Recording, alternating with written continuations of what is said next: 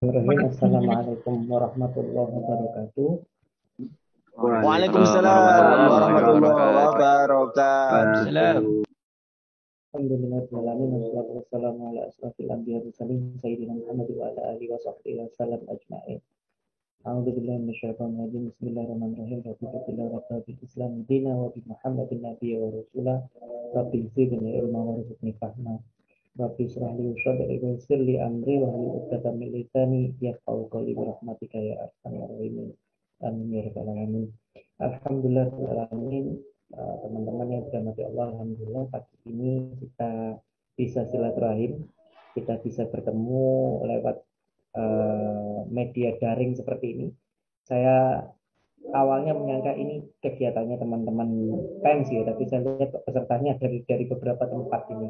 Saya lihat hari ada beberapa kota. Jadi semoga silaturahim kita ini suatu saat sama Allah apa dipermudah bukan hanya daring seperti ini tapi suatu saat bisa ketemu langsung di dunia nyata ya, supaya kita bisa ngobrol banyak ya, bisa silaturahim banyak di situ. Salat salam kita sampaikan ke junjungan kita Rasulullah Sallallahu Alaihi Wasallam. Allahumma salli alaihi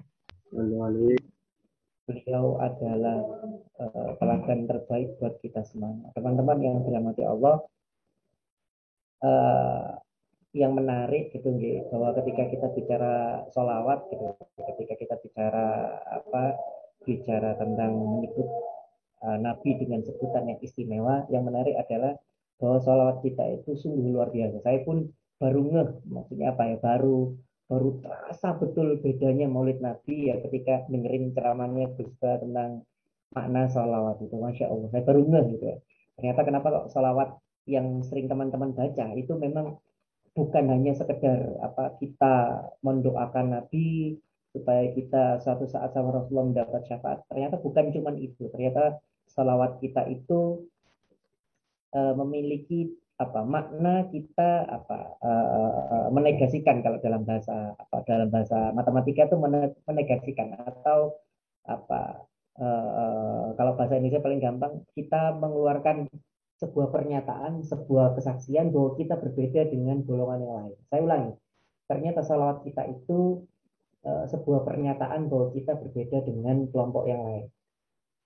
Saya masih ingat Gus Bah itu ketika beliau mengutip definisi ini dari apa uh, ayahnya kalau tidak salah dari abdinya kalau tidak salah dari Bamaimun gitu gitu dan itu pun ternyata bukan kutipan mbahnya tapi kutipan itu dari Hadratus Syekh Hasyim Asari dari gurunya dari guru kita semua. Dan Hadratus Syekh Hasyim Asari pun ngutip itu dari gurunya kalau kita tahu gurunya beliau kan Syekh Nawawi Al-Bantani gitu gitu nah ini kutipan beliau. Ketika beliau bilang uh, salawat kita itu sangat istimewa karena salawat kita itu menunjukkan bahwa kita berbeda dengan golongan yang lain. Golongan apa itu? Nah ini yang menarik. Ketika kita baca Allahumma salli ala Sayyidina Muhammad atau dalam redaksi yang lain Allahumma salli ala Muhammad gitu. Okay. Sebentar, yang ini sholat sholat anu masjid saya lagi ngecek speaker kayaknya. Yang ini sholat sholat ya. Wong kaget loh, duhur lagi. Baik, saya ulang Allahumma sholli ala Sayyidina Muhammad itu ternyata teman-teman sebuah apa pernyataan sebuah yang sebuah apa sebuah ungkapan bahwa kita berbeda dengan dengan golongan yang. Apa maksudnya Ustaz ini kata Hadratus Syekh Fasari. Allahumma sholli ala Sayyidina Muhammad kalau yang dikutip Kusba itu artinya Allah yang ngasih uh, dan Nabi Muhammad yang dikasih. Saya ulangi, Allah yang ngasih dan Nabi Muhammad yang dikasih. Ustaz, apa maksudnya Allah yang di, Allah yang ngasih Nabi Muhammad yang dikasih? Maksudnya adalah bahwa umat Islam tidak akan pernah terpleset seperti umat yang lainnya.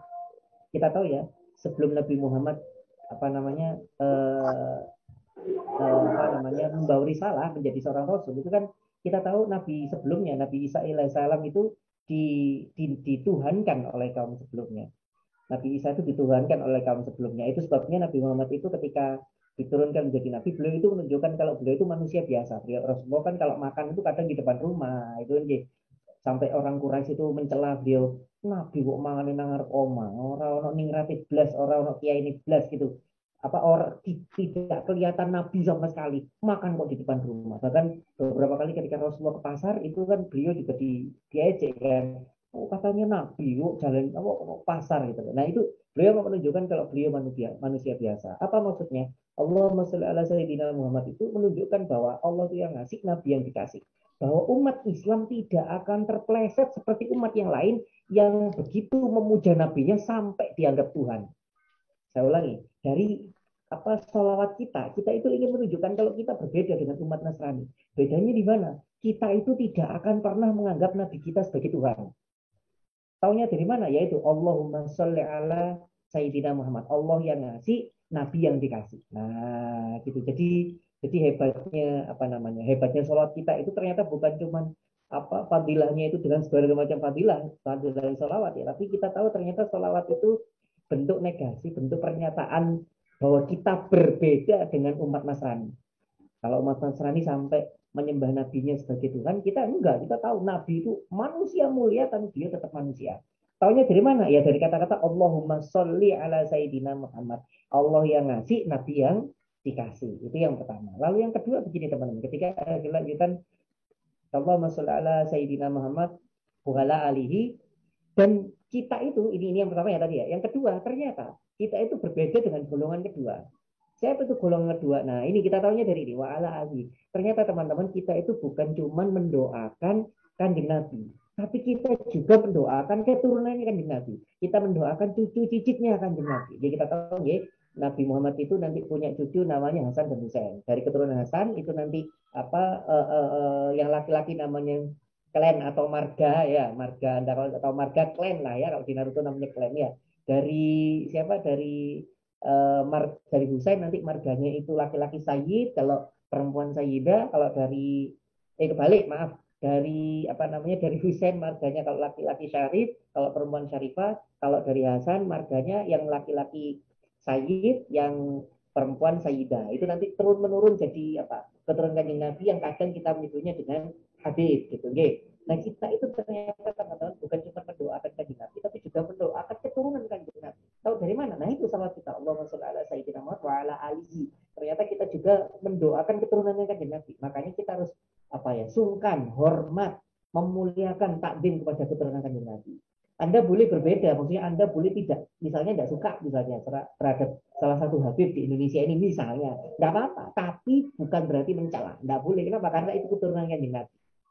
Ya, itu ya. Nah itu itu teman-teman bedanya kita ada salah satu golongan yang nggak mau mengakui apa keturunan kanjeng Nabi. Saya tidak nyebut namanya ya.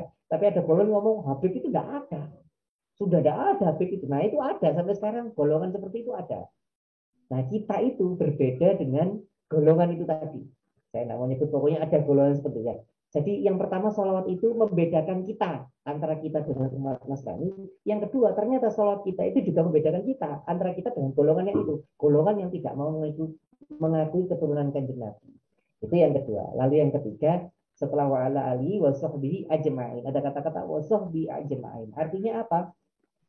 Kita itu bukan cuma mendoakan kanjeng Nabi, bukan cuma mendoakan apa uh, keturunan kanjeng Nabi, kita itu juga mendoakan sahabatnya Nabi dan sahabi ajmain dan seluruh sahabat sahabatnya kanjeng Nabi. Apa maksudnya? Ini pernyataan ini juga menunjukkan kita juga berbeda dengan golongan yang lain. Oh, Ustaz golongan lain ada salah satu golongan kita nyebutnya Syiar Rafibo, gitu kan ya, yang mereka itu mencela para sahabatnya Nabi. Pokoknya selain Ali terus gak layak disebut sahabat. Nah, begitu kan, Ji? Mereka mencela Abu Bakar, Umar, Utsman, siapa? Aisyah, dicela semuanya. Ini kan era itu kan seperti itu.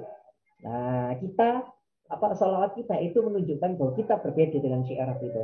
Kita juga mengakui keturunan kanjeng Nabi, kita juga mengakui apa sahabatnya kanjeng Nabi. Nah, jadi salawat kita teman-teman itu bermakna bahwa kita itu satu kita bakal berbeda dengan golongan Nasrani yang menuhankan nabinya Dua, kita pasti berbeda dengan golongan yang tidak mau mengakui keturunan kanjeng Nabi. Yang ketiga, kita pasti berbeda dengan golongan yang tidak mengakui para sahabat Nabi. Nah itu loh, ternyata salawat kita itu maknanya dalam dan apa istilahnya uh, uh, uh, uh, ketika Gus Bah mengutip ini, beliau bilang saya mengutip ini dari Hadratus ini kalimatnya Hadratus Syekh yang Hadratus Syekh Hasim Asari juga mengutip dari gurunya.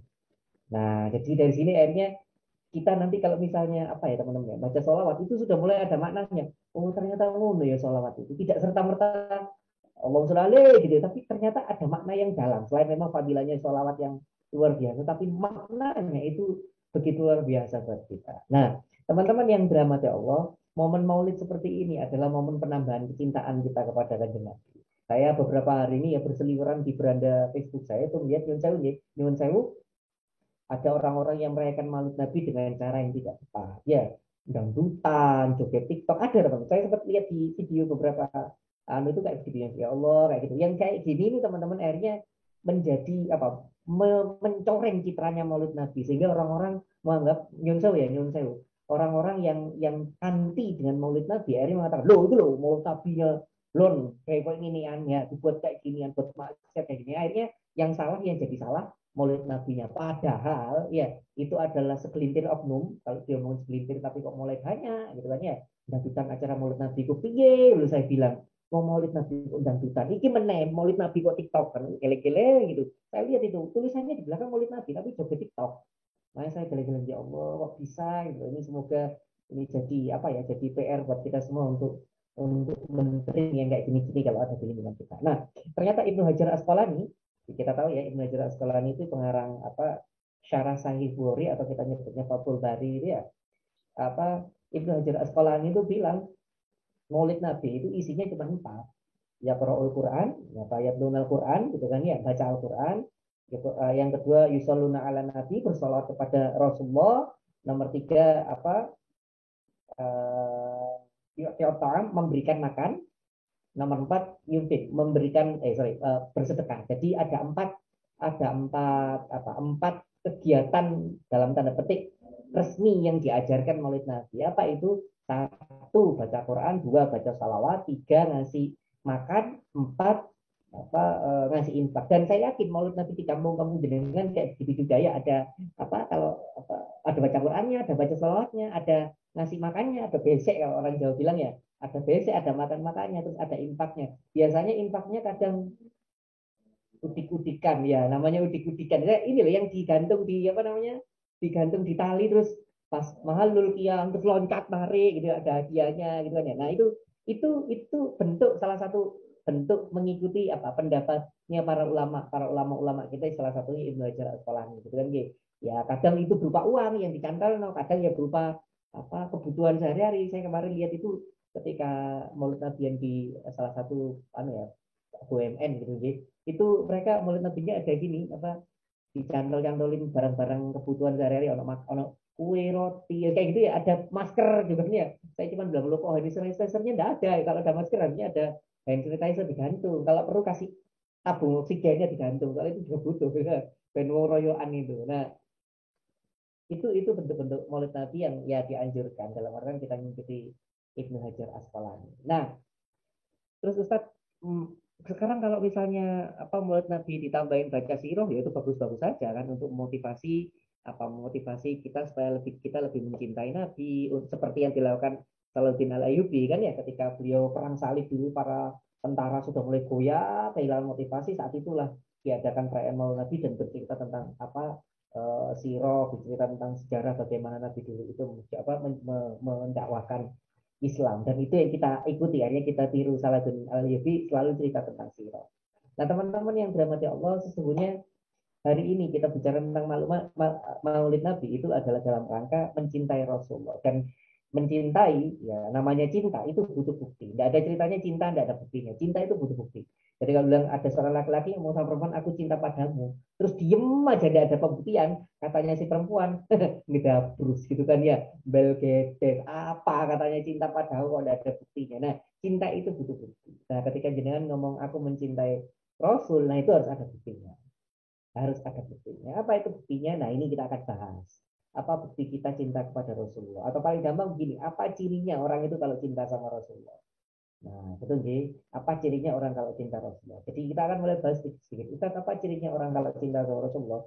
Ini satu, orang itu kalau mencinta sesuatu, ciri pertamanya adalah paling senang menyebut diri.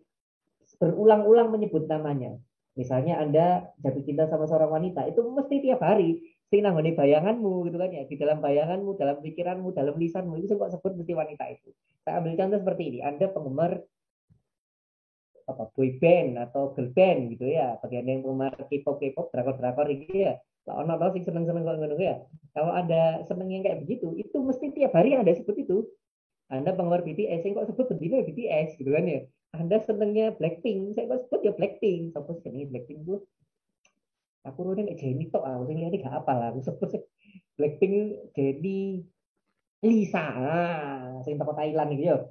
Mulai roh aku ya, mesti tak googling. Anggota Blackpink coba. Ya, pokoknya itu ya. Kalau Anda seneng sama apa uh, girl band atau boy band maka akan seperti itu apa akan anda sering sebut gitu kan ya anda akan sering sebutin apa karena senang karena senang jadi orang yang cinta itu akan apa sering sebut ya kayak misalnya saya ya senang Gus Bah dikit-dikit nyebutnya Gus Bah dan saya yakin pecinta Gus Bah juga banyak. Saya yakin muhibinnya Gus Bah banyak. Maka sedikit-sedikit yang disebut mesti Gus Bah itu ciri cinta. Nah sama. Kalau jenengan ngaku cinta sama Rasul ciri cinta sama Rasul yang pertama itu sering nyebut nama Rasul.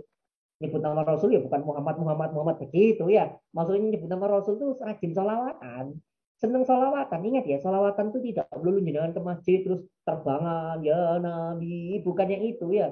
Ola al badr bukannya itu. Rajin sholawatan itu anda dalam setiap aktivitas itu. Mesti sholawatan lanjut lisan atau dalam hati sholawatan. Misalnya contoh mbak mbak E nyapu ya mbak mbak E nyapu. Dan ini di sini nyun saya saya minta tolong boleh teman-teman peserta bolehkah saya kalau nanti ngajak diskusi teman-teman jawab lewat kolom chat ya kalau saya tanya teman-teman jawab lewat kolom chat ya supaya saya kalau ngomong ada apa diskusi interaktifnya saya kalau ngomong sendiri kayak orang gila nanti ya ngomong karena begini kayak apa orang stand up comedy kalau sing gak apa gak dianggap lucu gitu ya nah itu kan dia garing gitu ya baik saya lanjutkan jenengan mbak-mbak ini kan kalau misalnya masak saya yakin anda sudah bisa masak ya Mbak-mbak di sini saya yakin Anda bisa bisa masak.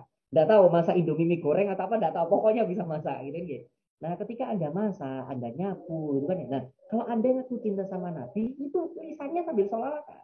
Sambil nyapu, Allahumma sholli ala Muhammad, Allahumma sholli Muhammad. Begitu misalnya. Atau pas sambil nyapu, tolak al-badru alaih. Silakan, pokoknya pas sambil, apa namanya, sambil nyapu, sambil umba-umba, sambil kora-kora, sambil sholawatan. Kecuali kalau jenengan di kamar mandi ya kan itu makro gitu kan ya bahkan ada yang bilang haram. Nggak elok maksudnya ngomong ayat ngomong pikiran sama atau solawatan di dalam kamar mandi. Kalau di luar kamar mandi gitu loh solawatan gitu kan ya. Meskipun Yun Sewengi anda itu kadang nggak adil dalam kaidah. Saya ulangi termasuk saya ya kita itu terkadang nggak adil dalam akidah. Solawatan nggak oleh pokoknya nang kamar mandi kalau solawatan nggak mau coba mau coba pikir. Pokoknya nang kamar mandi ya fokus mandi atau fokus buang air besar. Tapi lucunya anda kalau kamar mandi gue handphonenya eh ini yang handphone nang jeding gitu kan ya.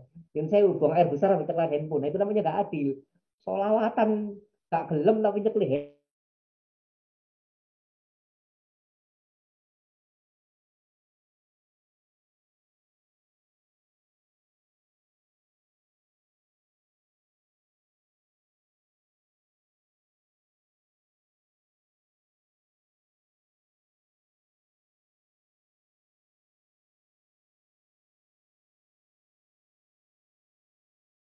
baca selawat, mbak baca selawat, apa mencuci piring, cuci baju. Ustaz, tapi kan nyuci bajunya pakai apa namanya pakai mesin cuci? Ya enggak apa-apa dimasukkan tutup. Tip Allah salah saya tidak mau. Ya itu sudah berpahala. Bayang loh nyuci apa namanya nyuci baju di mesin cuci aja sudah berpahala.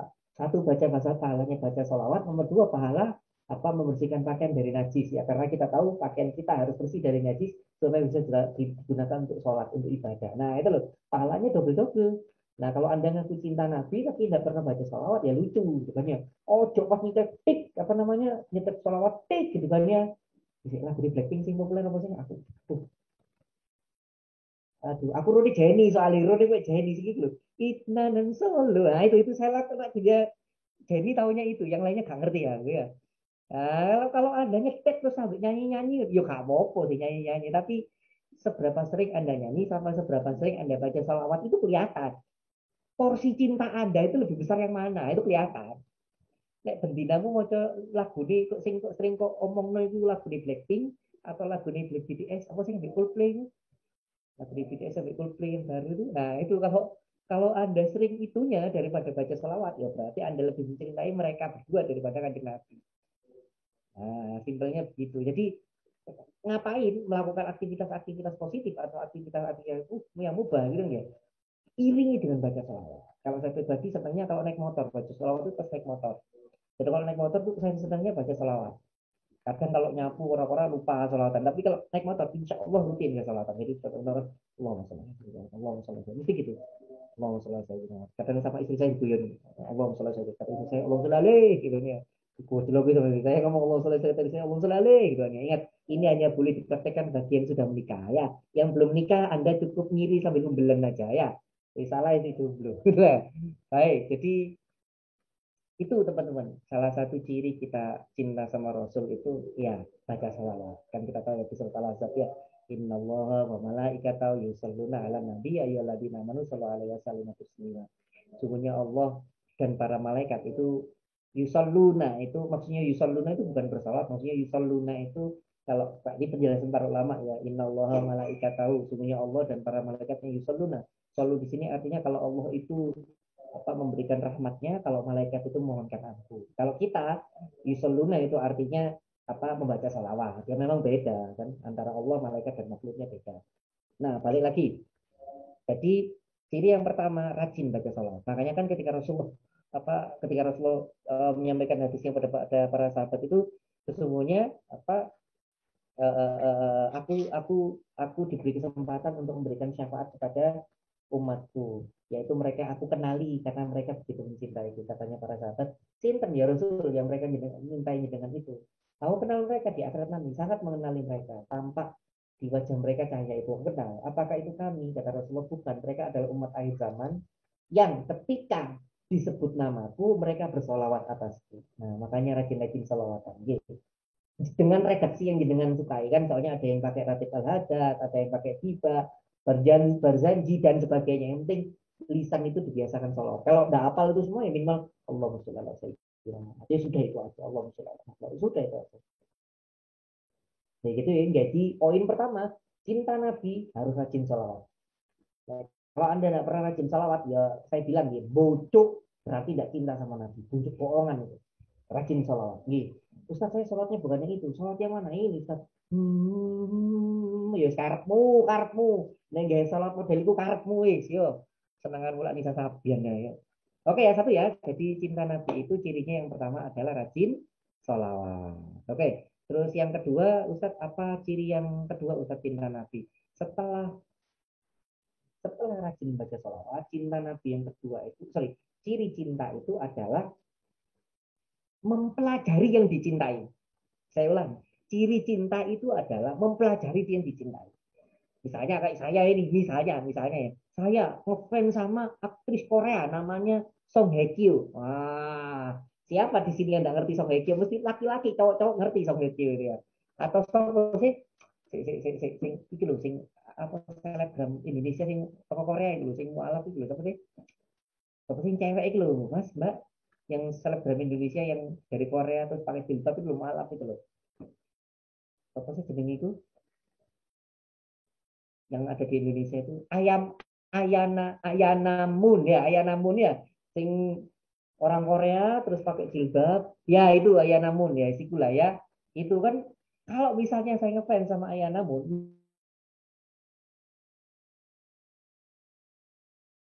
maka segala lagi luar biasa. Sebentar Mas Ferdi jenengan kok bisa tahu namanya Mbak ini ya?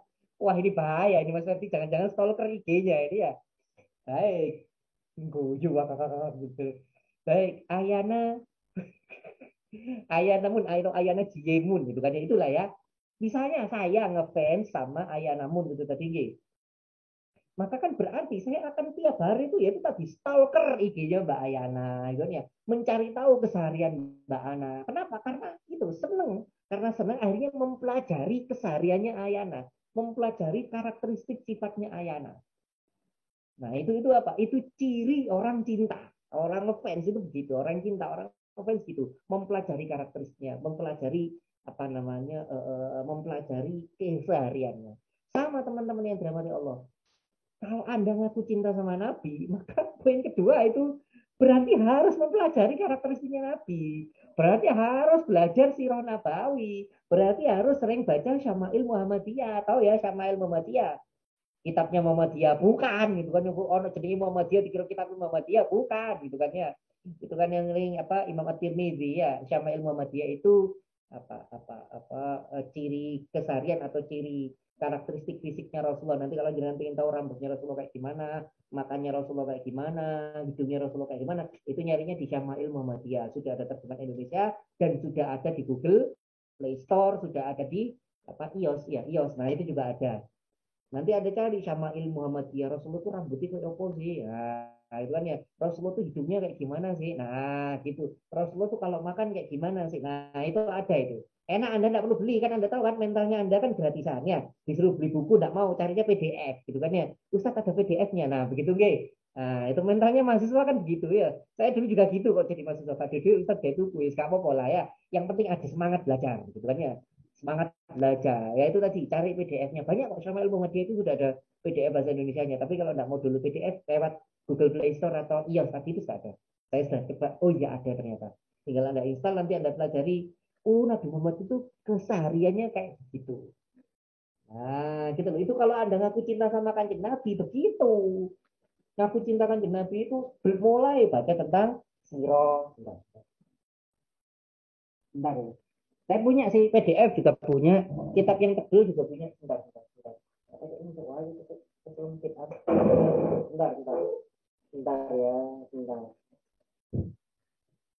dulu teman-teman seingat saya, seingat saya apa uh, yang paling diakui di dunia internasional ya karena beliau ini lomba lomba itu lomba penulisan sejarah Islam nomor satu ya ini apa namanya apa punyanya Syekh Syafri Yaman bin Al apa Al Baraki apa kan ya arah ini?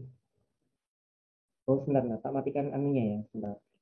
Tak matikan betul background ini gara-gara kunuhai gara-gara background kunuhai ya tak ya bisa Nah, kayak gini teman-teman.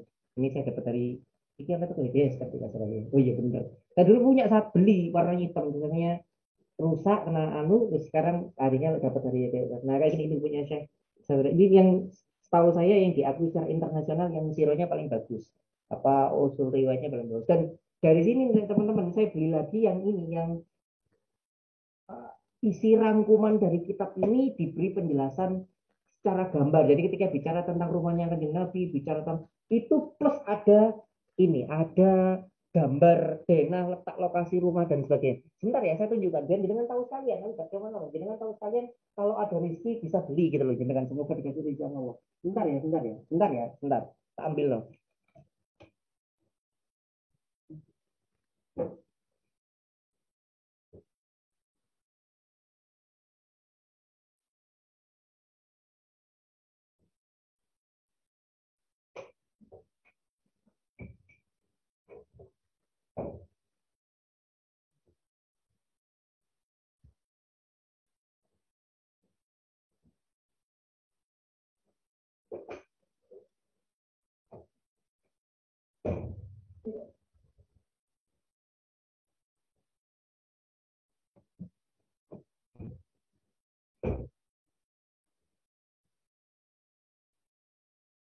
Nah ini teman-teman, saya lupa dulu belinya berapa, lupa kayak.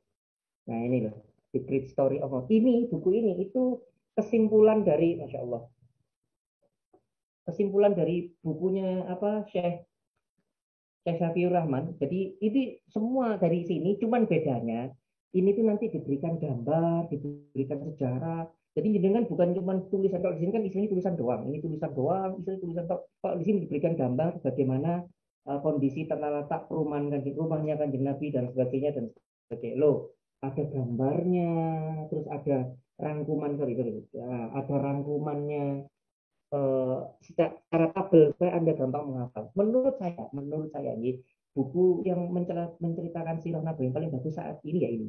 Kalau tadi ini ini juga baik, cuman tidak ada gambarnya, tidak ada tabel-tabelnya. Nah ini ini itu buku ini berasal dari ini yang disempurnakan pakai tabel dan apa istilahnya eh, eh, eh, gambar-gambar. Karena riwayat Sofi pastinya ya tak ngarang. Dan ini saya senang buku ini masya Allah saya senang sekali. Ilmunya masih banyak. Kalau jenengan ada rezeki beli yang ini teman-teman. Ini 100 berapa gitu. Lupa saya dulu dulu dulu belinya sudah lama. Jadi kalau ada rezeki beli yang ini teman-teman. Jadi saya bukan sales buku yo. Engkau dikira sales buku tuh mau satu sales Gramedia. Tutup ya tutup saya cuma cerita jenengan kalau nanti ada rezeki beli yang model ini. Karena jenengan enak itu. Sudah ada bergambar loh ya kan apa namanya Masjid Nabawi awal hijrah apa apa awal dibuat dulu loh. ada semuanya enak gitu rasanya Oke, saran saya itu ya teman-teman ya, uh, judulnya Great Story of Muhammad, penerbitnya Malviro. Enak ini, saya berdoa semoga teman-teman nanti diberi keuangan rezeki ya, supaya bisa beli beginian ya. Ojo tiga tuku apa album opo dan sebagainya, tapi gak belum tuku yang menceritakan tentang kanjeng Nabi ya. Untuk sementara yang gratis dulu, PDF dulu untuk sementara ya. Apa pakai iOS atau yang tadi di Android untuk sementara. Nanti kalau rezekinya sudah banyak, beli yang sekalian sekalian kayak begini. Okay. Nah itu nanti salah satu bentuk jenengan cinta sama kanjeng Nabi. Apa itu? Mencari tahu tentang kanjeng Nabi. Saya ulang ya, ciri pertama tadi apa? Cinta sama kanjeng Nabi. Ciri pertamanya apa? Ciri pertamanya adalah sering menyebut kanjeng Nabi. Nomor dua, ciri yang kedua apa? Ciri yang kedua adalah mencari tahu terhadap apa karakteristik kanjeng Nabi. Kenapa? Karena kebiasaannya orang semakin mencari tahu makin lama makin cinta. Orang itu semakin mencari tahu, makin lama makin cinta. Kayak orang tak aruf itu loh. Orang taruh cowok sama cewek itu kan semakin mencari tahu makin cinta. Dari istilah kan gitu kan rata-rata. Wis iya wis hajar bleh gak sesuai-suwi kapan aku tak rapi? Nah gitu kan ya. Karena semakin mencari tahu. Nah kalau dengan semakin apa namanya mengenali kan nabi makin lama nanti makin akan cinta sama nabi. Oke ya? Dua makanya saya beberapa kali misalnya kemarin saya nemu video saya posting di Instagram saya kan masya Allah saya ada seorang dari mana? Dari Sudan kelihatan kalau dari lafaz apa logatnya bukan orang-orang bukan orang Mesir bukan orang Saudi logatnya kayak orang-orang Afrika. Kan atau itu Sudan ulama Sudan untuk ulama mana. Tuh eh? beliau ketika bercerita tentang kanjeng Nabi masya Allah saya nangis. Beliau cara cara menjelaskannya enak. Nah sebentar ya teman-teman ya kamera saya rusak sebentar ya saya benerin sebentar ya sebentar ya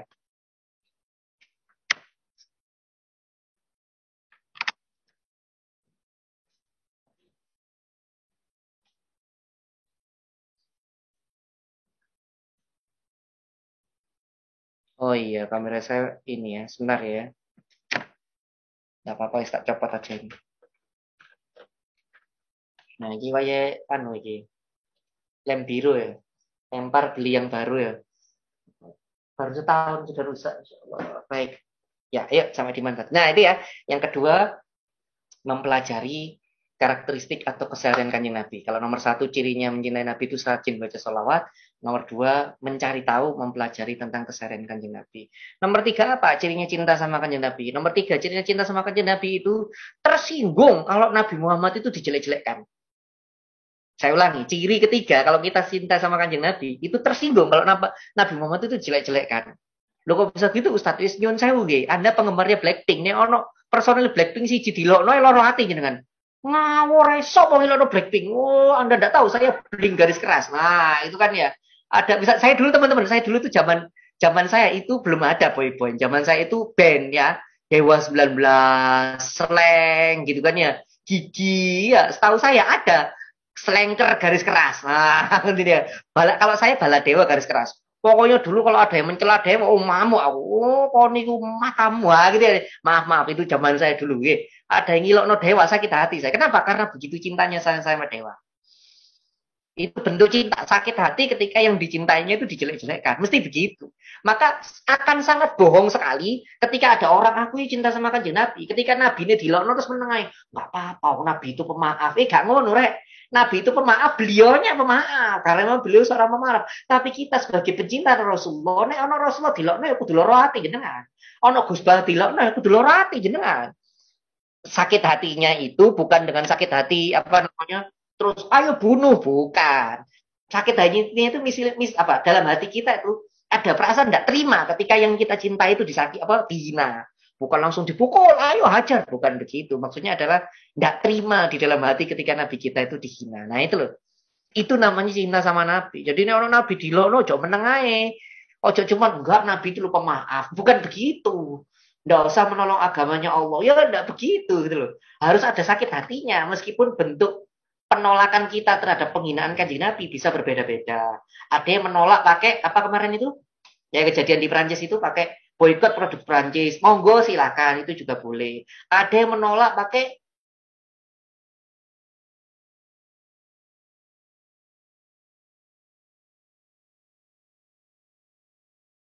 cara apa? Aku akan tunjukkan Islam yang baik seperti apa. Nah, itu juga boleh. Yang terpenting hatinya itu harus ada sakit hatinya. Kudu loro ati nek Kanjeng Nabi dilokno kudu loro ati. Nyun sewu nggih. Nek ana sing ngomong Kanjeng Nabi, nyun sewu, nyun sewu. Semoga Allah mengampuni saya. Ana sing ngilokno Kanjeng Nabi ku pedofil gitu kan ya. Suka terhadap anak kecil, lu kudu loro ati nggih. Cangkemmu gitu. Harus sakit hati kita. Kenapa? Oh, Nabi kita dilokno kok ngono kok. Apakah Nabi pedofil? Oh, bukti ini akeh mau Nabi itu bukan pedofil. Beliau, beliau nikah sama orang-orang yang sewu nggih, janda.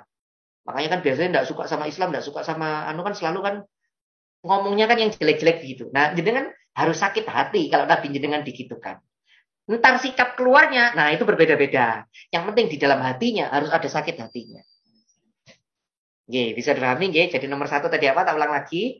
Sering baca salawat. Nomor dua tadi apa? Mempelajari karakteristik kanjeng Nabi. Nomor tiga apa?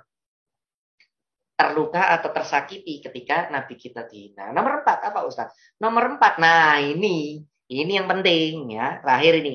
Nomor empat apa Ustaz? Kalau ngaku pecinta kanjeng Nabi, bukan cuma mempelajari, mulai dikit demi sedikit niru. Orang kalau cinta itu mesti mulai dikit demi dikit niru. Ittiba kalau bahasanya bahasa fikih itu ittiba sunnah mengikuti rasul gitu kan. Nah itu orang cinta itu mulai ittiba. Yang saya begini. Dulu teman-teman saya tidak tahu teman-teman sudah lahir atau enggak 2000 oh sudah tapi paling masih kecil ya. 2000 2000 ya 2000 atau 2001 oh, itulah. Ada drama Taiwan judulnya Meteor Garden. Ah F4 gitu kan ya. Anda kalau yang generasi baru paling rumu Boys Before Flower. Sampai itu Limin Ho atau Sopo ya sih ya. Nah itu itu anu apa namanya itu sama Meteor Garden ya Boys Before Flower tapi versi Korea kalau nah ini versi Cina. Dulu teman-teman 2001 itu saking gandrungnya drama Cina itu sampai teman-teman saat itu itu rambutnya itu dimiripkan anggota yang empat rambutnya itu di kan rambutnya lurus-lurus teman-teman. Dulu itu ya jangan nanti googling ya. Meteor Garden 2001 kalau ono ulah para pemainnya itu rambutnya lurus-lurus gini. Apa sih bahasa bahasa ini? Rambutnya gitu loh dicatok ya yang lurus gitu loh. Kayak kayak rambutnya anime Jepang. Kayak anime Jepang kan jeprak-jeprak kayak duri gitu kan ya kayak Naruto. Tapi ini lurus lurus jeprak itu lurus. Nah itu orang-orang Indonesia saat itu teman-teman rambutnya itu dilurus loh kabeh nyun sewu nggih nek wajahe rada-rada Cina kuning putih dilurusno cocok. Cocok ketok ganteng gitu kan ya nyun sewu nek wajahe Jawa gitu kan ya ireng bisa maaf ngapunten nggih ireng bisa terus rambutnya dilurusno iku lucu teman-teman. Gak ketok ganteng ketok aneh malahan. Ketok norak dan kami dulu seperti itu. Saking senengnya sama Meteor sampai niru seperti itu. Oh banyak teman-teman. Sampai dulu masuk Jawa Pos kan zaman itu apa Jawa Pos lagi rame-rame? Itu itu masuk Jawa Pos ada anak Gresik nggak punya alat untuk catok catok rambut supaya lurus nggak punya duit untuk ke salon rambutnya itu dilurusin pakai setrika. Jadi rambutnya itu terus dikosret supaya lurus itu. Dulu seperti itu teman-teman. Makanya oh, jamet. Siapa yang sing siapa yang Mas Ahmad Andian? Dia ini bener jamet. Karena nyebutnya jamet. Iya bener. Bener. Model kayak jamet gitu bener.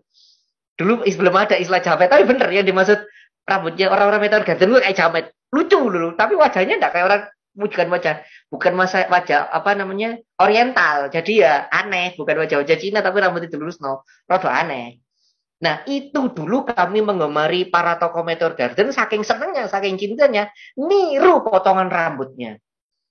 Dulu apa siapa? Agim itu saking senengnya sama John Travolta sampai cara berpakaian Agim dulu masih mudanya itu plek sama John Travolta. Beliau cerita sama sama sama kami itu.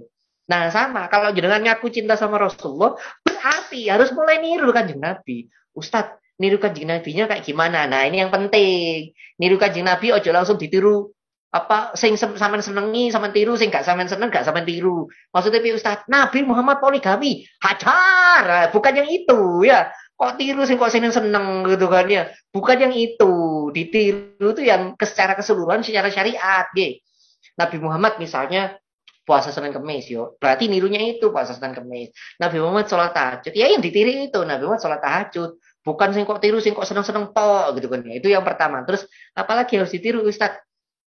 Perilaku akhlaknya kanjeng Nabi. Nah, itu yang ditiru. Kalau Nabi Muhammad pemaaf ya belajar jadi pemaaf ya. Nabi Muhammad itu apa namanya uh, uh, uh, uh, pemurah gitu ya belajar jadi pemurah nah itu yang ditiru itu bukan yang ditiru yang enak-enak toa yang ditiru itu ya terus yang yang ketiga yang penting lagi ini juga ya harus ada ilmunya meniru itu harus ada ilmunya Jangan semua yang dilakukan kanjeng Nabi ditiru. Kenapa?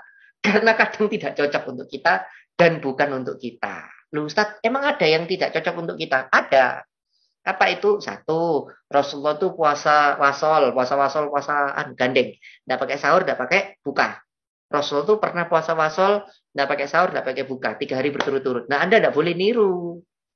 Tidak boleh, haram. Buat kita puasa wasol itu haram. Hanya Nabi yang boleh melakukannya. Nah, itu kayak gitu-gitu harus ada ilmunya. Jadi niru itu ada ilmunya.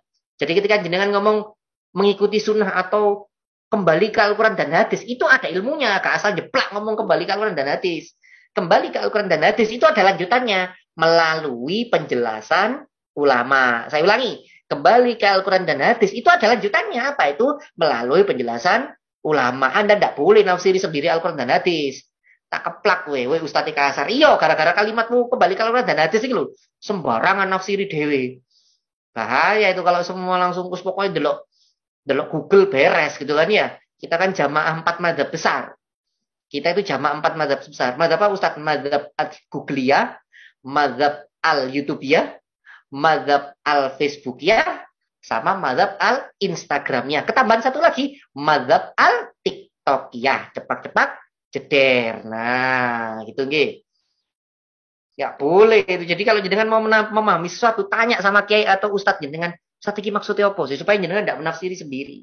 Jadi kembali di Al-Quran dan Sunnah itu tidak boleh diterjemahkan sendiri. Nggih, ada seorang sahabat Nyun Sewu ketika apa perang ketika perang Nyun ini apa, batoknya terluka keluar darah terus ketika malam dia mimpi bas mimpi basah maksudnya mimpi yang mengharuskan dia mandi besar itu kan gitu. terus dia tanya pada saat itu Rasulullah tidak ada dia tanya wahai sahabatku uh, aku ini harus aku dalam keadaan junub jadi apakah harus tetap mandi besar? Tapi kepala aku sedang terluka. Apa kata sahabat? Oh iya tidak ada alasan jadi kan tidak mandi besar harus tetap mandi besar. Akhirnya dia mandi besar kan ketika lukanya itu kena air dan dia meninggal karena itu. Apa makin parah gitu. Akhirnya dia meninggal. Ketika itu dilaporkan ke Nabi, kan Nabi marah kan. Sungguh dia telah membunuh sahabatnya secara dolim. Maka kalau tidak tahu itu tanya kata Rasulullah. Kalau tidak tahu itu tanya, jangan ditafsiri sendiri. Nah itu paling paling sederhananya begitu. Oh, cuk sakar PDW mau hadis, mau apa mau apa namanya tafsir di Google terus Anda menafsirkan sendiri. Oke, tanya kepada orang yang lebih paham supaya tidak kejadian kayak sahabat yang tadi melakukan kesalahan. Nah, itu tadi teman-teman yang keempat. Apa itu yang keempat? Mengikuti atau meniru atau itibak terhadap kanjeng Nabi. Jadi kalau jenengan ngaku pecinta kanjeng Nabi, empat hal minimal yang dilakukan. Apa itu? Rajin baca sholawat. Apalagi? Apalagi tadi selain rajin baca sholawat, apa tadi? Mempelajari keseharian kanjeng Nabi, baca siro dan sebagainya. Nomor tiga apa tadi? Sakit hati atau terluka kalau nabi nabi nama nabi dijelekkan dihina gitu kan ya. Yang keempat apa tadi? Meniru atau itibak kepada kanjeng nabi. Baik teman-teman yang dirahmati Allah monggo kalau mau ada diskusi dipersilahkan. Baik mas moderator silakan. Iya terima kasih disampaikan oleh Ustaz Marzuki atau Ustaz Naruto untuk sesi selanjutnya yaitu tanya jawab kepada para peserta yang ingin mengajukan pertanyaan bisa langsung raise hand nanti uh, langsung mengajukan pertanyaannya. Kalau enggak langsung open mic dan jangan lupa jadi baik uh, untuk para peserta yang ingin mengajukan pertanyaan dipersilakan. Assalamualaikum, izin bertanya Pak Ustadz. Assalamualaikum Uh, perkenalkan nama saya Iksan dari MTS Swasta Babang, Kabupaten Mamuju, Sulawesi Barat izin bertanya Ustaz. Ini kan uh, tema kita kan terkait dengan uh, Maulid Nabi. Nah, ini kan jadi uh, pro dan kontra di masyarakat terkait dengan uh, Maulid Nabi. Dari zaman dahulu sampai sekarang itu perdebatannya belum kelar-kelar terkait uh, hukumnya apakah itu bid'ah atau tidak karena beberapa hadis uh, di situ ada pengecualian terkait dengan pelaksanaan Maulid Nabi. Terus kedua ada juga yang mengharamkan tentang uh, ada hadis yang mengatakan bahwa uh, itu uh, bid'ah. Nah, bagaimana menurut Ustadz? Uh, mungkin uh, memberikan penjelasan kepada kita terkait dengan hukum daripada uh, perayaan Maulid Nabi. Waalaikumsalam warahmatullahi wabarakatuh. Waalaikumsalam warahmatullahi wabarakatuh. Oke, Mas Jo Ihsan. Bagus, bagus sekali pertanyaannya. Ustadz, dari dulu sampai sekarang Maulid Nabi itu selalu menjadi perdebatan pro dan kontra. Saya ambil kalau NU jelas ya ikut Maulid Nabi. Saya ambil pendapatnya Muhammadiyah. Nggih, Muhammadiyah kan jelas majelis tadi bilang e, tidak ada dalil pelaksanaan Maulid Nabi. Tapi juga tidak ada dalil pelarangannya. Sehingga ini majelis tarjih yang ngomong majelis tarjih, ulama-ulama besarnya Muhammadiyah. Sehingga ketika Anda mau merayakan Maulid Nabi, selama itu memberikan manfaat, boleh-boleh saja. Jadi maksudnya? Muhammadiyah tidak melarang dan juga tidak, maksudnya gini, tidak menyuruh. Tapi kalau mau melakukan dan itu memberikan manfaat, boleh-boleh saja. Muhammadiyah begitu. Oke ya, saya ambil pendapatnya Muhammadiyah dan MU tadi. Nah sekarang saya ambil pendapat yang lebih ke atas lagi. Para ulama-ulama. Oke, saya sebut. Ustadz, apakah ini yang sering jadikan dalil ya? Ustadz, apakah Nabi Nabi Muhammad merayakan Maulid Nabi gitu kan? Ye? Kalau Nabi Muhammad merayakan Maulid Nabi, ya rauno, rauno, tidak pernah. Oke, terus apakah para sahabat para sahabat merayakan Maulid Nabi juga tidak pernah? Apakah para tabiin, muridnya para sahabat merayakan Maulid Nabi juga tidak pernah? Apakah para tabiin, tabiin merayakan Maulid Nabi juga tidak pernah? Oke, apa namanya khairun nas koroni summal ladina yalunahum summal ladina yalunahum sebaik-baik manusia itu adalah generasiku kata Nabi kurunku generasiku zamanku. Sumaladina yalunaum setelah itu generasi setelahnya. Kita nyebutnya tabi'in sumaladina yalunahum. Setelah itu generasi setelahnya. Jadi 200 tahun setelah kanjeng Nabi itu generasi terbaik. Mulai kanjeng Nabi sampai 200 setelahnya itu generasi terbaik. 200 setelahnya itu yaitu imam empat mazhab itu Hanafi Maliki Syafi'i Hambali. Gitu kan. Itu mereka lahir di Hijriah sampai satu Hijriah sampai kurun waktu 200 tahun Hijriah itu tadi. Oke. Nah, sampai pada Bambali sekalipun empat imam madhab itu tidak ada yang bermaulid Nabi.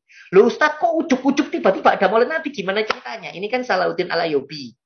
Sekali lagi kalau dia ngomong itu kan yang mengadakan pertama kali itu Syiah Fatimiyah dia bilang fitnah ya karena sejarahnya Ibnu Katsir itu menjelaskan yang pertama kali ingat ini kalimatnya Ibnu Katsir jangan tahu Ibnu Katsir ya Ibnu Katsir itu penulis tafsir terkenal gitu kan Hampir semua di antara kita tuh pakai tafsirnya Ibnu Katsir. Ibnu Katsir menulis dalam Al-Bidayah Winaya itu bilang pendiri yang mengadakan Maulid Nabi pertama kali itu Salahuddin Alayubi. Kebetulan beliau bermadzhab Syafi'i saat itu. Ya, tujuannya apa? Menyemangati para tentara ketika perang salib kan begitu. Nah, Ustadz terus dari mana dalilnya? Eh ini yang ngomong saya jelaskan ya. Dari tadi kan saya tidak ngomong haram, halal enggak. Dari tadi saya ngomong menurut Imam apa Hadratus Syekh, menurut. Dari tadi kan saya ngomong menurut dulu kan, menurut banyak menurutnya. Kenapa? Karena saya tidak berani menghukumi langsung. Haram itu tidak berani saya. Halal tidak berani. Kenapa? Saya ini orang bodoh. Ya, Hokage ketujuh itu hanya boleh mengikuti Hokage pertama. Jadi tidak boleh menentukan hukum sendiri Hokage ketujuh itu. Hokage ketujuh hanya boleh melanjutkan aturan yang sudah ditetapkan oleh Hokage pertama. Tidak boleh menafsir-nafsir sendiri Hokage ketujuh. Dia tidak tahu sejarah Konoha kayak gimana, tidak tahu. Ya sama saya ini Hokage ketujuh itu kan ya tidak boleh langsung halal haram tidak boleh. Saya hanya boleh menyampaikan pendapatnya ulama yang lebih paham. Nah contoh ini tadi. Terus Ustadz siap kenapa kok tiba-tiba para ulama seorang zaman sekarang melakukan maulid Nabi? Ini saya jelaskan sekarang. Ibnul Qayyim, uh, sorry, Ib, apa namanya? Uh, Ibnu Hajar Asqalani, ya, apa uh, Imam Tajuddin Absu, apa Suki, Imam An Nawawi itu mengatakan Maulid Nabi bid'ah Lu, jangan kaget, tunggu dulu, tunggu dulu, belum selesai. Maulid Nabi secara bahasa bid'ah artinya apa? Karena memang tidak ditemukan di zaman kanjeng Nabi. Bahkan para salaf pun tidak tidak ada yang maulid Nabi. Tapi ada lanjutannya. Imam Nawawi, Ibnu Hajar Asqalani, Imam Tajuddin, Tajuddin Absuki itu ngomong. Tapi ada tapinya. Meskipun ini bid'ah, ini baik. Ini mendatangkan kebaikan. Makanya Imam Syafi'i nyebutnya bid'ah hasanah. Ini mendatangkan kebaikan, maka silahkan dilanjutkan demi apa uh, apa mencapai manfaat keberkahan bersama. Silakan. Ya, jadi ini yang ngomong nggak sembarangan teman-teman. Yang ngomong Ibnu Hajar Asqalani. Ada yang bilang Ustaz tapi itu golongan yang lain mengatakan haram maulid Nabi. Ya enggak apa-apa. Ya sudah kita hormati saja.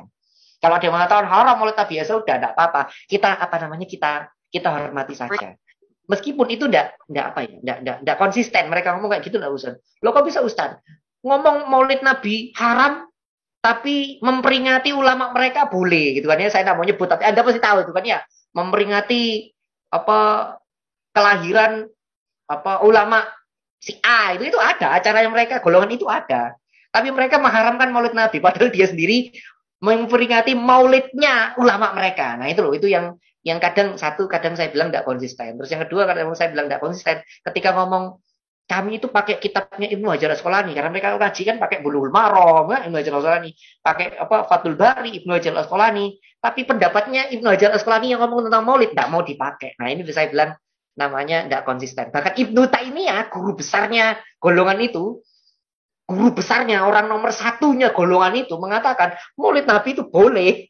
Ibnu Taimiyah ini yang ngomong dalam kitab Majmu' al-Fatwa.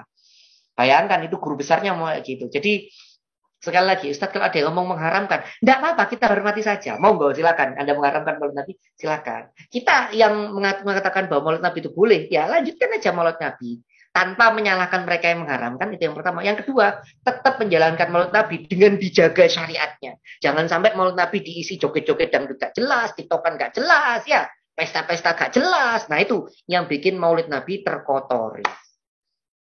Oke, bisa dipahami nggih? Itu tadi dalil-dalilnya yang sudah saya jelaskan. Monggo silakan, Mas moderator. Baik, eh, kepada Mas Isan tadi yang bertanya apakah dalilnya akan lagi atau dicukupkan untuk pertanyaannya. Dan untuk peserta lainnya yang ingin mengajukan pertanyaan, bisa langsung mengajukan pertanyaannya.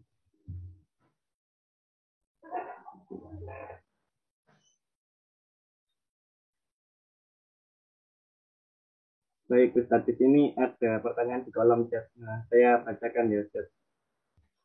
Ustaz izin bertanya, bagaimana menyikapi orang-orang yang kadang-kadang semangatnya berbuat kebaikan di momen-momen seperti hari peringatan saja, dan di hari-hari biasa kadang bertolak belakang dengan hari-hari peringatan itu Ustaz. Hmm, ini pertanyaannya dari Mas Iza. Itu, ah, Masya Allah Mas. Mas Diki, nge. Ustadz ini mereka kalau maulid Nabi saja baik, semangat belajar agama, tapi atau sholatnya baik, pas maulid Nabi, pas tidak maulid Nabi balik lagi Ustadz, Yus, kan begitu. Nah jawaban saya, ya kan mending pernah berbuat baik, mending pernah semangat daripada bolong tidak sama sekali, ayo. Lo kan ya daripada bolong dan sekali mending pas saat itu mereka baik. Oh, mending. Siapa tahu pada saat itu mentok mereka apa namanya? Tobat akhirnya berubah jadi baik selamanya. Ya enggak apa-apa. Lu Ustaz ucapan Anda enggak berdalil. Tunggu dulu tak omongin ini. Dalam kaidah fikih itu ada dalil seperti ini. Kalau Anda tidak bisa melakukan secara sempurna, jangan ditinggalkan semuanya. Ingat ya, ini kaidah usul fikih. Kalau Anda tidak mampu melakukan secara sempurna 100%, jangan tinggal seluruhnya. Sambil contoh begini. Sholat wajib, sholat wajib itu wajib berdiri, wajib rukuk, wajib sujud. Saya ulangi, sholat wajib itu wajib berdiri, wajib rukuk, wajib sujud. Jadi kudu ngadek. Itu sebabnya ketika anda sholat wajib, Rasulullah kalau sholat wajib teman-teman itu pada saat naik unta itu turun dari unta langsung sholat. Allahu Akbar. Rasulullah tidak pernah sholat wajib dalam keadaan duduk. Saya ulangi, Rasulullah tidak pernah sholat wajib dalam keadaan duduk. Pernah Rasulullah sekali sholat wajib itu naik unta terus mau turun, dan turun becek, tanah becek. Nah itu Rasulullah terpaksa sholat wajib sambil duduk, duduk di unta. Itu sekali karena apa? Tanahnya becek. Tapi seumur hidup Rasulullah ketika naik unta itu sholat wajib sambil berdiri. Nah pertanyaannya, jenengan naik kereta naik sholat bi, ayo kon, enging eng, enging eng teko deh gak goyang, gitu kan ya. Ayo naik pesawat, pas ini apa ini apa ini namanya take off Eh, uang terus Allah Akbar. Eh, eh, eh, gitu kan ya. Ayo, apa gak mumet gue ya?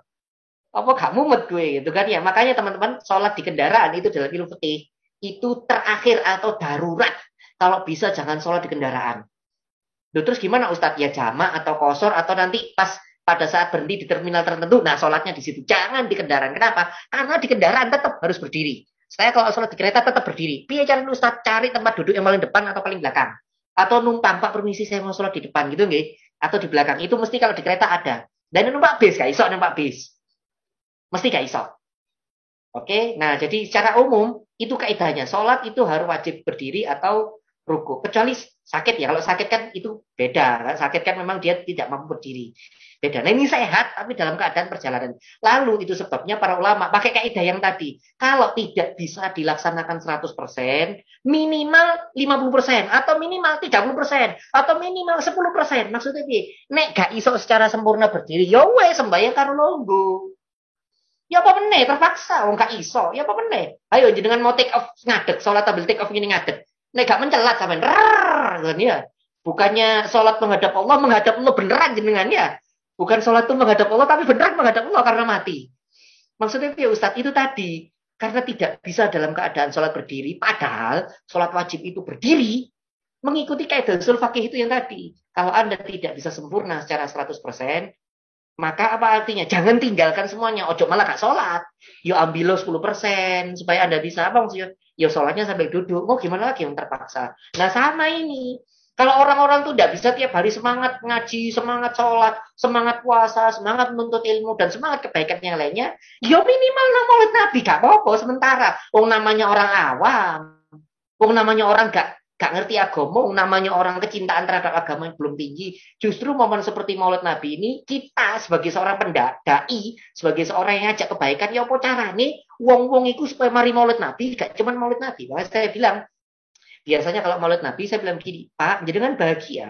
Apa namanya, Maulid Nabi. Bahagia Ustaz, bahagia Yai. Jenengan, saya yakin bahagia pas Maulid Nabi. Bahagia Ustaz. Nah, saya lanjutkan. Bahagianya jangan berhenti di sini, Pak bahagia pada mulut Nabi itu keren, bagus. Kenapa? Ini saya contohkan. Abu Lahab itu ketika Rasulullah lahir, itu kan dia menyembelih domba, terus dombanya itu diberikan ke tetangga kanan kiri, terus budaknya dibebaskan. Kenapa? Karena beliau berbahagia pada saat Nabi lahir, kan gitu. Akhirnya ini kan yang dijadikan dalil ketika Abu Lahab itu di neraka, di hari Senin beliau tidak pernah dihukum. Khusus hari Senin dia tidak pernah dihukum. Kenapa? Karena beliau bahagia terhadap kelahiran kanjeng Nabi. Saya bilang sama jamaah, Pak, Abu Lahab itu bukan orang Islam. Tapi karena dia bahagia terhadap kelahiran kanjeng Nabi, tiap hari Senin itu loh. Beliau itu tidak dihukum di neraka. Oke, saya tanya balik, Pak, jenengan kan Anda, Anda kan orang Islam.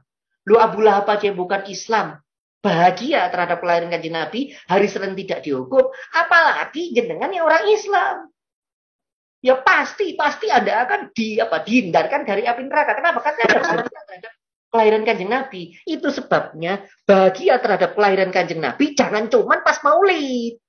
Hari-hari setelah Maulid Anda harus tetap bahagia terhadap kelahiran Kanjeng Nabi supaya apa? Supaya Anda setiap hari, setiap saat terlepas dari api neraka. Nah, itu cara menjelaskannya. Jangan cuma langsung salah, nggak boleh itu enggak jelaskan secara pelan-pelan, ajak mereka supaya semakin cinta terhadap kanjeng Nabi tiap hari. Supaya apa? Semangat untuk ibadahnya naik. Makanya kalau ada bilang, Ustaz, kon dia tiap hari enggak kayak gitu, pas maulid Nabi baru baik. Ya enggak apa-apa. Pas maulid Nabi itu digenjot. Ayo kondang semangat. Ojo cuman maulid Nabi toh, mari maulid Nabi, ayo bersemangat. Nah gitu caranya. Ingat ya, kalau kita bahasa kita cara berdakwanya salah, kalau cara berdakwah kita salah, orang akan semakin jauh menjauh terhadap Islam. Saya masih ingat, saya mengutip kalimatnya Ustadz Ja'far Martolib ya dari Ustadz dari Kediri itu. Beliau bilang begini, beliau seorang salaf, tapi salaf yang sangat toleran. Beliau mau apa? Beliau mau apa menghadiri Maulid Nabi. Beliau yang salaf yang sangat toleran. Beliau bilang gini, kita itu guru, guru ya, seorang guru itu secara tidak langsung sebagai penyambung antara seorang hamba terhadap Allah. Kenapa? Hamba ini tidak paham maksudnya Allah itu apa. Maka kita sebagai orang yang sedikit paham, itu harus menggunakan bahasa yang tepat supaya oh, seorang hamba ini benar-benar ngerti maunya Allah itu apa. Kalau bahasa kita salah, kita kan di tengah ceritanya nih, pendai ini. Kalau bahasa kita salah, orang ini nanti akan semakin jauh terhadap Allah. Nah sama kalau ada orang tidak pernah sholat terus tiba-tiba sholat, terus kita ngomong, sholat kok ini ono masalah, sholat kok lagi ada masalah, itu akan makin jauh terhadap Allah maka kalimatnya harus diganti. Ada seorang teman yang dia tidak pernah sholat, tiba-tiba sholat. Kalimatnya harus ngomong, nah gitu. Kalau lagi ada masalah, segera temui Allah. Nah begitu. Kalau lagi ada masalah, segera sholat. Nah itu kalimatnya. Kita salah bahasa, orang akan semakin jauh dari Allah. Ye, bisa dipahami nggih? Saya jelaskan begitu luas tadi.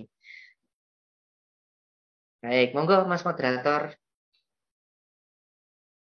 Baik, uh, disampaikan terima kasih untuk Mas Diki Iza. Apakah ada pertanyaan lagi atau uh, terima kasih Ustaz. Uh, mungkin dari peserta lainnya yang ingin mengajukan pertanyaan lagi bisa langsung di unmute atau melalui kolom chat nanti saya bacakan.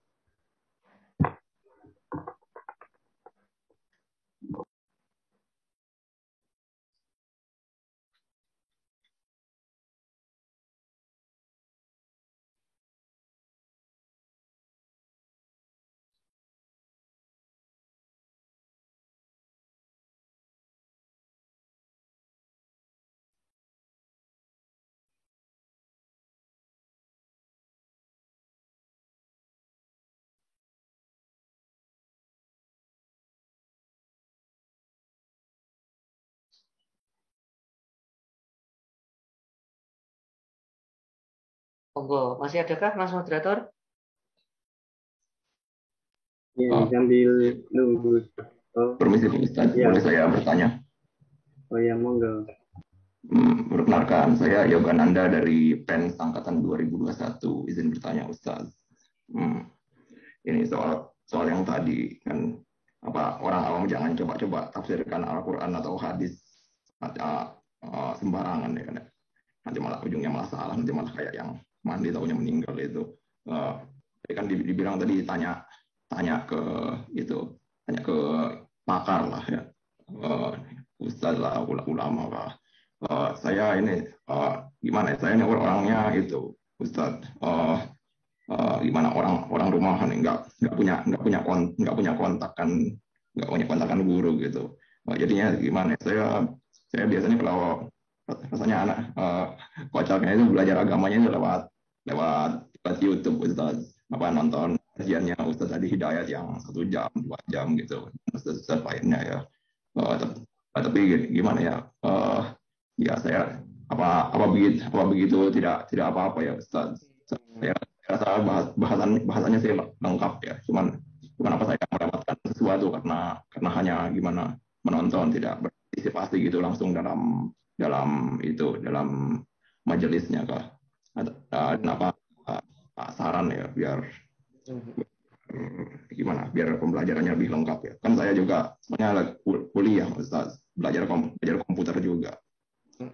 Ya gimana Ustaz? Ya se- sekian pertanyaannya. Terima kasih Ustaz. Baik, masya Allah Mas Yoga. Bagus itu apa eh, salah satu ciri kan apa namanya? Mayuridillahu bihi khairan yufaqihu fiddin. Barang siapa yang apa eh, dikendaki oleh Allah kebaikan di dunia, yufaqihu fiddin, dia akan dibuat semakin paham dalam urusan agama. Kata para ulama dibuat semakin paham dalam urusan agama salah satu cirinya adalah dibuat kecintaan untuk ngaji. Entah itu ngaji via online, via daring atau ngaji datang langsung ke majelis. Jadi Mas, kalau jenengan rajin nonton YouTube, YouTube-nya Ustadz Adidayat, YouTube-nya Ustadz Abdul Somad atau Gusba, nah itu Anda masuk dalam kaidah hadis itu. Jenengan tuh sama Allah mau dikasih kebaikan. Salah satu apa? Dengan cara dibuat seneng nonton YouTube-nya Ustadz Adidayat. Itu bagus sudah. Bagus. Nah sekarang saya, kita boleh bahas. Ustadz terus gimana ya Ustadz?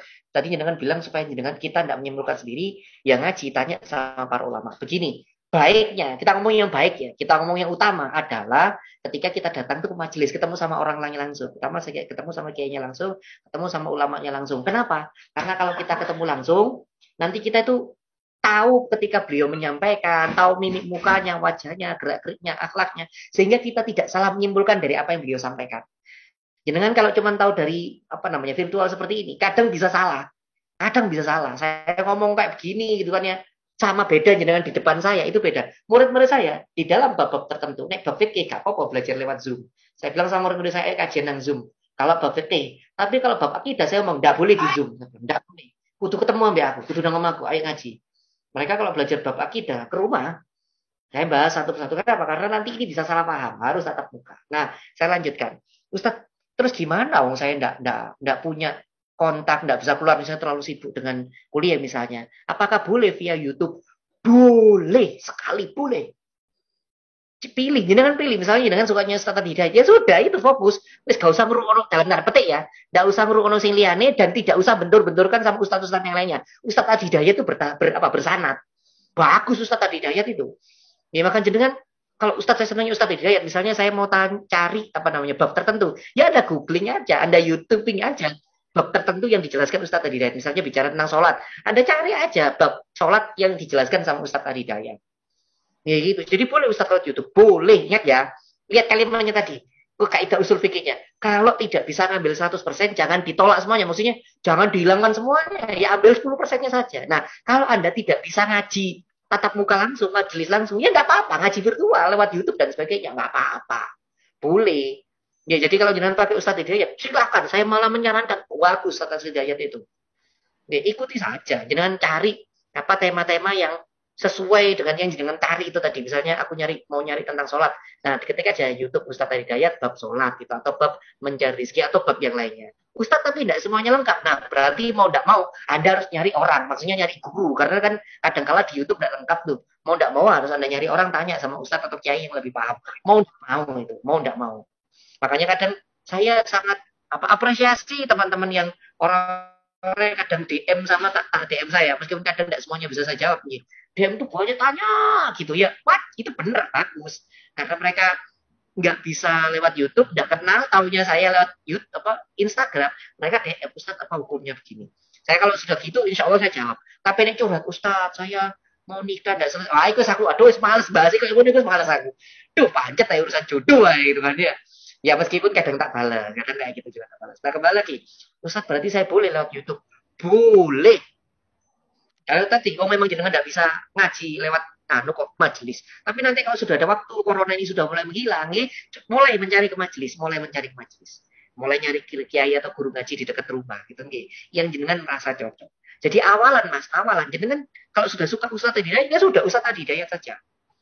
Tidak usah ke mana-mana, itu aja. Nah, itu awalan. Tapi nanti kalau jenengan ilmunya sudah bertambah, nah baru jenengan lebih baik bukan cuma Ustadz Hidayat baru mulai melihat Ustadz yang lain. Supaya apa dengan fikihnya nanti atau ilmunya berkembang. Karena para ulama kadang kala juga menafsirkan itu berbeda. Saya pertama kali ngaji ya sudah satu mazhab syafi'i aja begitu. Sampai akhirnya ngerti oh begitu tak? Baru akhirnya mulai pelajari mazhab yang lain supaya jadi toleran. Sehingga ketika ada orang sholatnya begini menurut syafi'i benar. Kalau ada yang sholatnya begini saya bilang oh ya benar itu ikuti Imam Ahmad bin Ambal kalau ada orang yang sholat di bawah apa perut begini saya bilang oh itu juga benar karena itu mengikuti madhab Hanafi. Kalau ada yang sholatnya begini Allahu Akbar, nampaknya sedekap, itu juga benar karena itu mengikuti madhab Maliki. Nah, itu benar semua, ada dalilnya semua. Ini benar, ini benar, ini benar, ini juga benar. Sing salah, sing ini. Nah, atau joget-joget, ah itu salah ya. Kalau dalilnya. Nah, bisa seperti itu setelah apa? Setelah satu madhab selesai, setelah satu guru itu selesai. Setelah jenengan ngaji ke Ustadz Hidayat atau YouTube tadi mulai pemahamannya sudah mulai bertambah ya. Nah mulai coba lihat ustadz yang lain. Supaya apa? Supaya tidak terlalu dalam tanda petik fanatik sempit akhirnya menganggap madhab yang lain salah. Begitu nggih jadi ustadz boleh lewat YouTube. Boleh banget. Boleh banget. Ya nanti kalau sudah ada waktu luang ya itu cari pengajian. Dan corona sudah mulai hilang ya cari pengajian lewat majelis-majelis datang ke pengajian. Gitu nggih nanti kalau sudah ilmunya bertambah nah mulai melihat sudut pandang atau madhab yang lain. Kenapa? Biar kita tidak gampang menyalahkan orang lain. Nih, saya kalau ngimami Muhammadiyah jadi Muhammadiyah, ngimami NU ya jadi NU. Kalau di sholat masjidnya Muhammadiyah saya tidak pakai kunut, kalau sholat di masjidnya NU ya pakai kunut. Kenapa? Karena saya mempelajari dalil-dalilnya. Sehingga jadi lebih toleran. Nah, itu nggih. Bisa dipahami Mas Yoga tadi yang pertanyaan. Semoga Allah memberikan kemudahan dalam belajar ilmu dunia dan ilmu agamanya. Nih. Amin. Uh, gimana untuk Mas Yoga? Apakah cukup jelas tadi dari penjelasan Ustaz? Apakah ada yang ditanyakan lagi?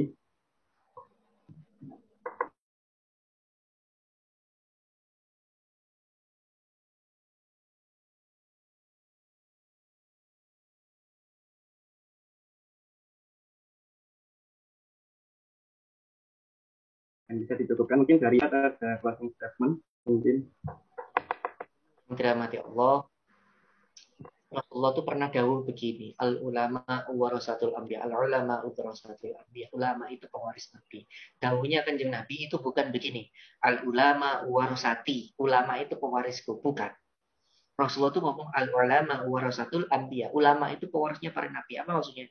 Ulama-ulama kita itu keilmuannya itu ke akhlaknya itu cuman mirip kajian Nabi, tapi juga mirip Nabi-Nabi yang lain. Kalau jadi nanti jangan belajar kitab-kitab tasawuf ya, jadi akan makin paham maksudnya kajian Nabi ulama orang rasul ya.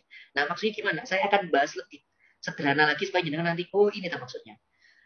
Ketika Rasulullah ngomong ulama orang rasul ya, berarti para nabi itu memiliki sesuatu yang diwariskan sehingga para ulama ini pantas disebut pewaris nabi. Saya ulangi, mereka pantas disebut pewaris karena punya warisan. Apa itu warisannya? Warisannya para nabi, warisannya kanjeng nabi itu ada tiga. Apa itu? Yang pertama ilmu. Jadi pasti seorang ulama, seorang guru itu punya ilmu, nggak asal jeplak ngomong kok dalile. Meskipun dalilnya mungkin pakai kias, analogi itu juga dalil, ya. Dan dalil itu nanti kalau jalan fikih bisa banyak masalah-masalah, istisan, ikhtisab, kaul sahabat, oh apa urf, amalu ahli Madinah, wah dalil itu akeh. Kalau dengan belajar nanti akan paham itu. Jadi orang seorang ulama atau guru lah ya, yang pertama itu yang dia punya ilmu, paham. Terus nomor dua, warisan Nabi selain ilmu itu apa amal? Maksudnya ulama itu gak cuma iso ngomong tok. Guru gak iso cuma ngomong tok, tapi dia juga menjalankan apa yang dilakukan. Dia ngikuti kanjeng Nabi, tiba. Dia sebagai pewarisnya pewarisnya kanjeng Nabi bukan cuma ngomong tok ilmunya eh, tapi memang prakteknya dia melakukan. Ketika dia ngomong ayo sedekah, dia tiba tiap hari juga sedekah. Nah itu itu guru yang baik. Lalu yang ketiga warisan Nabi yang diwariskan kepada ulama selain ilmu amal nomor tiga adalah akhlak jadi kalau ada saya guru yang ilmunya baik, rajin sholat, tapi kalau ngomong nyelkit, ngomong gampang menyakiti orang lain, nah itu yang jahat yang gitu tidak usah diikuti. Kenapa? Karena dia telah kehilangan salah satu warisan Nabi yaitu akhlak. Maka kalau jangan tanya Ustaz, cari guru yang kayak gimana sih? Nah ini yang memiliki warisan Nabi tiga ini apa itu?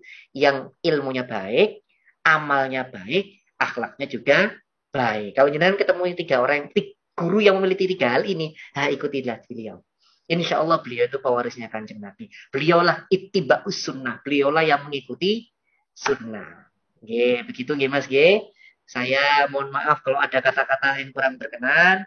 Semoga bermanfaat buat kita semuanya. Kalau ada yang salah, itu salahnya saya, ilmu saya kurang, amal saya sangat jelek, ikhlas saya juga buruk, itu salah saya kalau misalnya ada salah dari apa yang saya sampaikan. Kalau ada yang benar, itu semuanya Allah yang sedang ingin menyampaikan kebenaran buat kita semuanya. Alhamdulillah, minkum.